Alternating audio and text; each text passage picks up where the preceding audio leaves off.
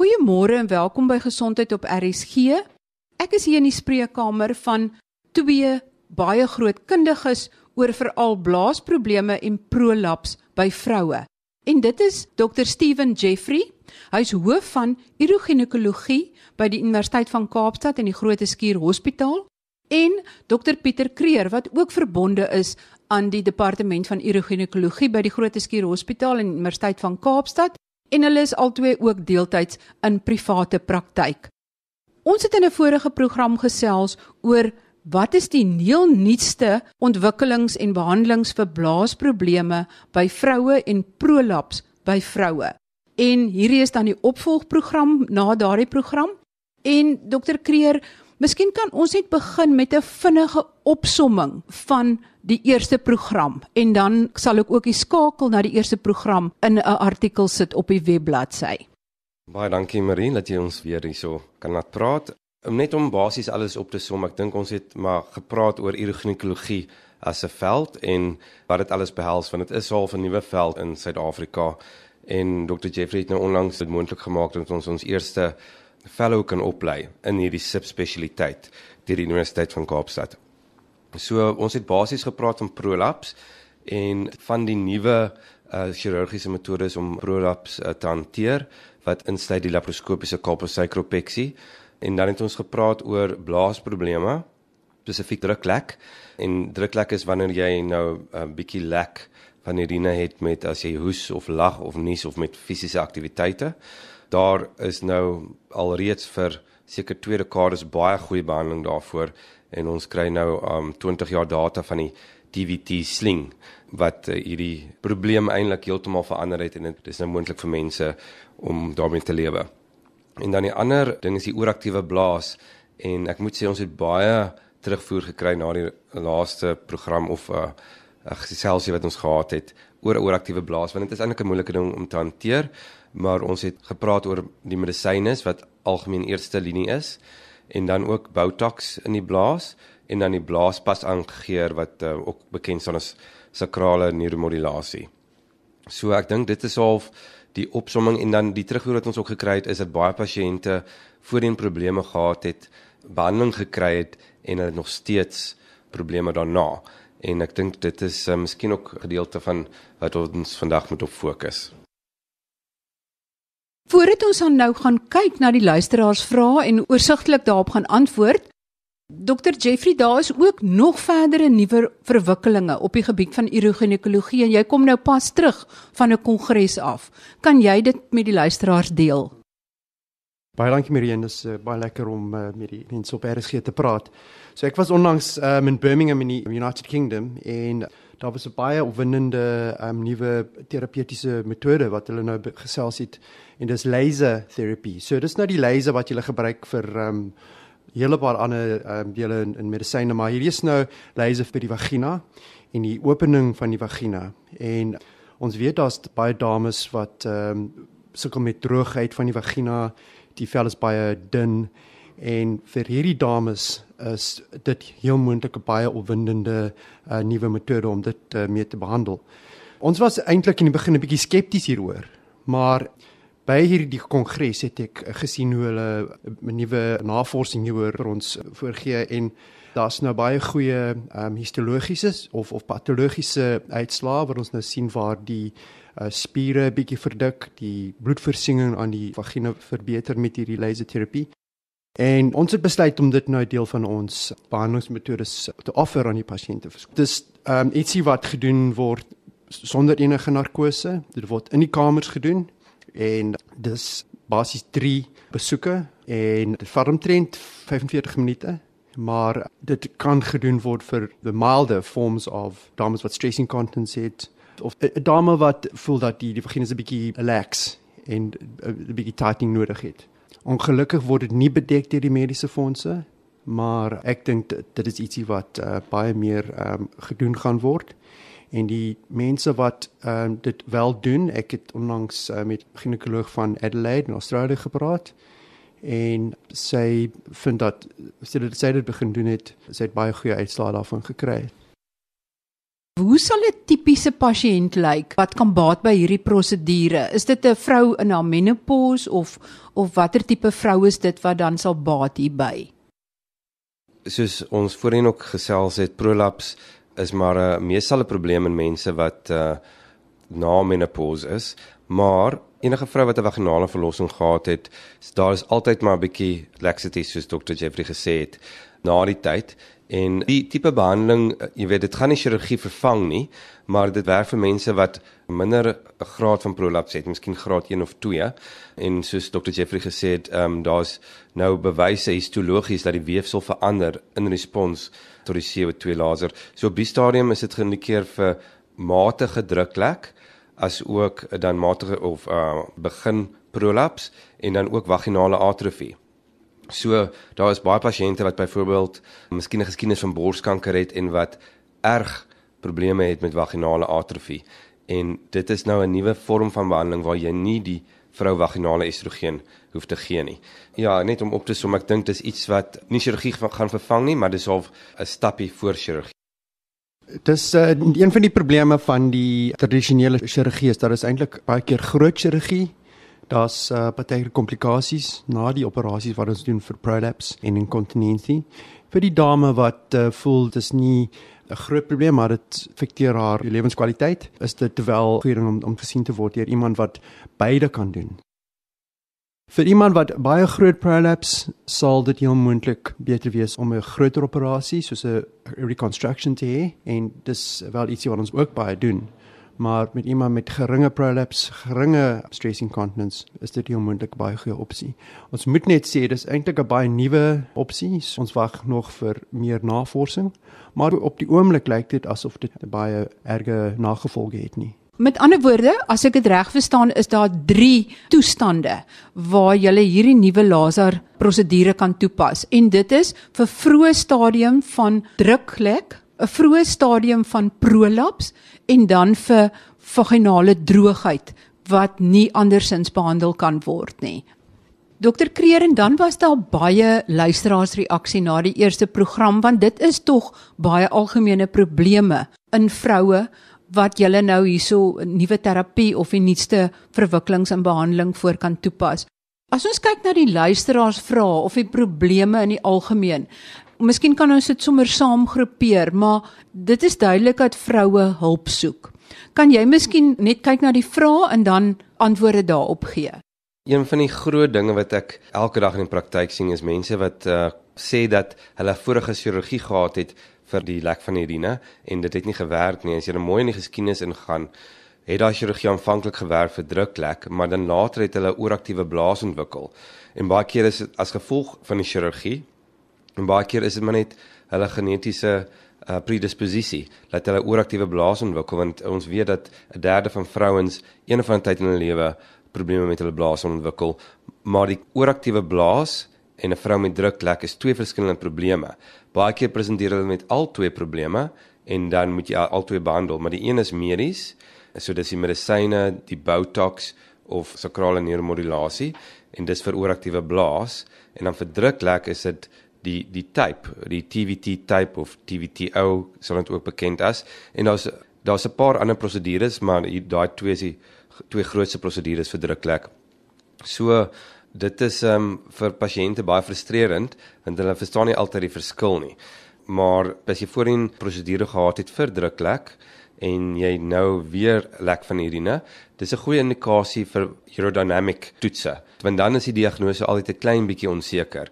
En dit is wanneer ons werk um, saam met 'n fisioterapeut en een van ons kollegas doen ook aerodinamika studies en dis waar jy nou die blaas volmaak met water uh, en jy het 'n katetertjies wat die druk meet in die blaas en in die vagina en dan sien jy in watter omstandighede sy lek of dit nou is met 'n verhoogde druk in die buik of dit is dat die ooraktiewe blaas uh nou maar net die grootste probleem is en ook net weer om op te som 'n ooraktiewe blaas is as die blaas verkeerde seine van die brein ontvang en net spontaan begin kontrakteer want dit is mos maar een groot spier en dit is wanneer die vrouens dan ewe skielik uit die bloute uit nou 'n toilet moet kry.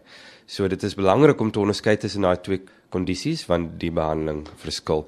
En ek dink ek sal Dr Jeffrey net laat praat oor die colposacropexies wat ons baie keer doen vir gefaalde vorige prolaps chirurgie en dit het nogals baie goeie uitkomste. So ietsie wat ons nogal gereeld sien is uh dames wat uh vorige operasies gehad vir uh, vir prolapse. Dit is moeilike chirurgie en baie dokters is nie uh baie high volume soos ons sê, hulle doen nie baie hiervan.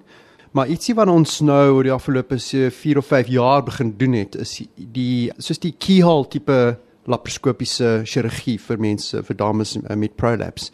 En dit het 'n baie baie beter uitkoms en die baie goeie deel hiervan is um in die verlede het uh, ons hierdie operasie gedoen met die groot sny soos uh, soos 'n keisersnit tipe sny uh, maar ons doen nou uh, baie klein snytjies een deur die naaltjie en dan deur die ander wat hom net nie groter as 10 mm is nie. En die dames gaan huis toe die volgende dag gewoonlik. En selfs um, begin ry wat omtrent so 'n week of of twee daarna en terug na normale normale aktiwiteite binne 2 tot 3 weke. So dis eintlik 'n baie goeie operasie vir prolapse. En die lekker deel daarvan is dat ehm um, selfs jong dames, ons sien nou dames in hulle 30s en 40s wat kom wat in in die verlede nie baie goeie opsies gehad het nie, maar met hierdie laparoskopiese of keel tipe chirurgie kan ons hulle baie goeie opsies ehm um, chirurgiese opsies um, gee. So Die ander ding is um, selfs um, dames wat 'n bietjie ouer is in hulle 70s, is hulle ook uh, geskik vir die die um, laparoscopic uh, approach en ons doen nogal baie van daai dames ook. So dis 'n baie goeie opsie. Die goeie ding is dat dit na die operasie die seksuele funksie is ook gewoonlik normaal. Ons praat nie baie daaroor nie, maar dis 'n baie belangrike deel van mense se lewens. Selfs dames in hulle 70s en 80s, dis daar seksueel aktief. Met ander woorde, as iemand reeds 'n operasie gehad het en nou begin sy weer blaasprobleme te kry of lek of wat ook al, sê julle met ander woorde as sy weer teruggaan na die uh, uroginekoloog toe of 'n uroloog wat kundig is met hierdie tipe operasies dat daar wel weer hulp vir haar is. Definitief. Um, ek dink partykeer is die simptome baie moeilik om te onderskei van mekaar af. Daar's druklek en daar's ooraktiewe blaas. Maar as 'n mens iemand sien wat 'n uh, goeie ondervinding met hierdie het, dan dan gewoonlik ietsie wat ons kan doen. Gaan kyk gerus op www.rsg.co.za. Op die roterende blok in top stories uh, is daar 'n skakel en 'n artikel met 'n skakel na die vorige onderhoud en ook in daardie artikel is daar baie baie interessante illustrasies en skakels na presiese verduidelikings van hoe die verskillende prosedures gedoen word en ek het ook 'n skakel daarby gesit na die uroginekologiese vereniging waar al die kundiges gelys word. So gaan kyk gerus daar en maak seker dat jy by 'n kundige uitkom. Die ander vraag wat jy gekry het is oor herhaalde urienweg infeksies. Is daar 'n oplossing vir die probleem? Ehm um, Maria, dit is eintlik 'n baie algemene uh, probleem weer eens in die menopause. Die rede daarvoor is dat as jy in die menopause is, dan verlaag jou estrogen vlakke en dan stoor die selletjies in die vagina minder glikogeen. En glikogeen is baie belangrik vir die bakterie genaamd Lactobacilli wat die normale bakterie is in jou vagina. En as dit nie daar is nie, dan word dit die vagina geoorkoloniseer deur die slegte bakterieë en dit maak dit dan baie makliker vir jou om 'n urineweginfeksie te kry. So die behandeling oor die algemeen is baie maklik. Dit is maar net om vaginale estrogen room te vat. Ehm um, maar natuurlik het jy die die dokter moet die nodige geskiedenis vat en die ondersoekies doen om seker te maak daar's nie ander redes vir die uh, urineweginfeksie nie. Maar weer eens na die vorige radioprogram het ons baie navraag oor hierdie probleem gekry. En daar soos ek sê daar is 'n uh, baie maklike behandeling daarvoor. Kan mens nie net die probiotika vervang nie of probiotika gee nie? Men, baie mense het so gedink. Ehm um, die probiotika is mos maar gewoonlik iets wat jy oraal neem, so dis meer vir die probiotika van jou ehm um, binnekant, maar nie van die vagina nie. Die vagina het sy eie uh, kolonie van uh, goeie bakterieë en dit is wat mense probeer herstel en jy doen dit deur die die grond reg te kry as ek dit so kan stel, deur estrogen, vaginale estrogen te gee. Daar was ook vrae oor die klein pasangeertjie wat jy kan inplant om vir die ooraktiewe blaas om daai probleem op te los. Kan jy ook net vinnig weer daarna verwys? Ehm um, ja, Marie, so 'n uh, daai daai tipe behandeling, die sakrale neuromodulasie is geïndikeer vir pasiënte wat voorheen medisyne geneem het vir ooraktiewe blaas en dit was nie ehm um, effektief genoeg nie. Ehm um, baie pasiënte hou op met die medisyne want na tyd verloor dit die effektiwiteit of die medisyne veroorsaak droë mond of hartlywigheid, so nuwe effekte wat hulle laat stop. Dan is jou Botox 'n opsie of jou pasangeer is 'n opsie. Die pasangeer is gerieflik want jy hoef die batterytjie net elke 3 tot 5 jaar te vervang en die mediese fondse oor die algemeen verstaan hoe goed hierdie behandeling werk. So alhoewel dit 'n duur behandeling is, um, is dit effektief en um, dit verbeter pasiënte se kwaliteit van lewe en dis waarom die mediese fondse daarvoor betaal. So net om weer op te som, dit is 'n draadjie wat ingeplant word onder um X-ray eh, terwyl die pasiënt slaap vir so 10 minute naby die sakrale senuwee agter op die rug. So dis net 'n paar sentimeter onder waar jy nou byvoorbeeld 'n uh, spinaal sou gekry het. Daar sit jy 'n permanente draadjie wat dan onder die vel bly gekonnekteer aan 'n battery met 'n klein rekenaartjie. Wat kleiner is as 'n 25 rand munte. Die draadjie gaan in by die sakrale senuwee in die middel, maar dit word dan herlei na area net onder die heupbeen waar daar 'n vetpad is of 'n vetkussentjie. En dit is oor die algemeen is die pasiënte nie bewus daarvan nie. So ons sit dit in 'n plekkie waar hulle nie agterkom daar dat dit daar is nie. Ehm um, maar soos enige iets, jy weet, niks is onmoontlik nie. Dit is moontlik dat die pasiënt hierdie uh batterytjie kan voel, maar oor algemeen is dit nie 'n probleem nie. Dr Jeffrey, daar was ook vrae oor is daar oplossings as daar komplikasies of probleme na 'n prolaps operasie of 'n operasie vir inkontinensie was? Definitief um, ons het oor die afgelope 5 jaar of so probleme gesien met dames wat hierdie um mesh vaginal mesh prosedures gehad het. Omtrent so 10 tot 15 jaar terug het uh, hierdie prosedures baie gewild geword en dis baie die baie dokters in in Suid-Afrika en en oor see gedoen en en baie dames het dit baie goed gewerk, maar ons het gesien dat party dames het probleme ontwikkel. Die grootste probleem is eintlik die pain sindrome of uh, pelvic pain wat hulle gekry het daarna. En dis ietsie wat ons nogal gereeld nou sien. Daar is ehm um, help daarvoor. Omtrent so 30% van die dames kan nog aanhoudende probleme kry na ehm um, ons hulle gesien het maar in 2/3 van die dames kan ons wel hierdie probleme oplos. So dis die een probleem wat ons wel gesien het. Die mesh procedures of mesh operasies ehm um, het nou baie ehm um, afgeneem en ek dink die keel tipe uh, procedures het dit nou vervang.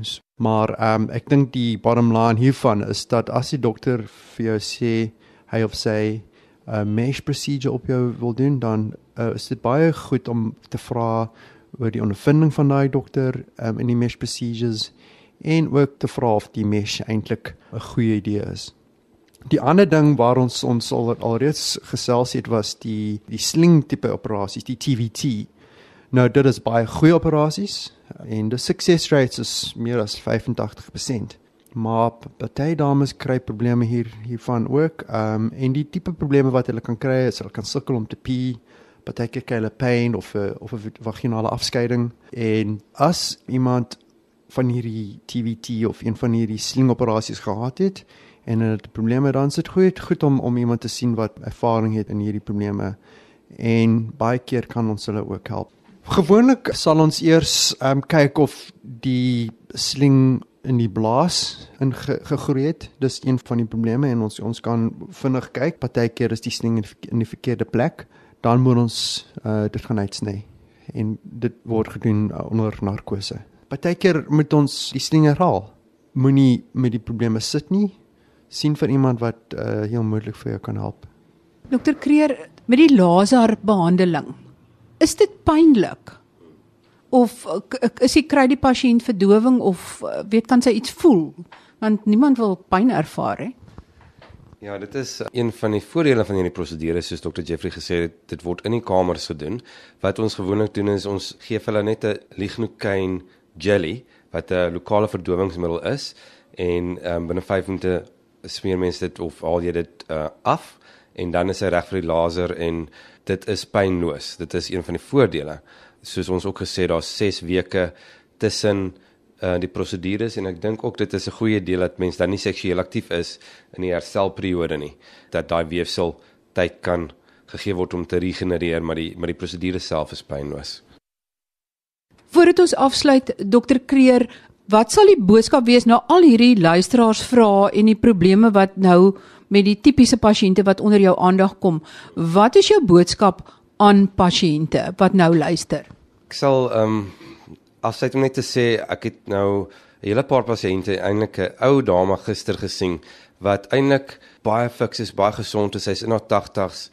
Alles gaan goed met haar behalwe haar blaas en sy sit nou hierdie probleem al af vir 10 jaar want sy het vorige behandeling gekry en sy het gedink dis die einde van die lyn. So die boodskap is daar's altyd iets wat mens kan doen en moenie skaam wees om daar te praat nie, gaan praat met jou GP en so Dr Jeffrey gesê het, maak kontak met iemand wat gesubspesialiseer is in hierdie veld. So vinnig kom ons dan aan die einde van hierdie program.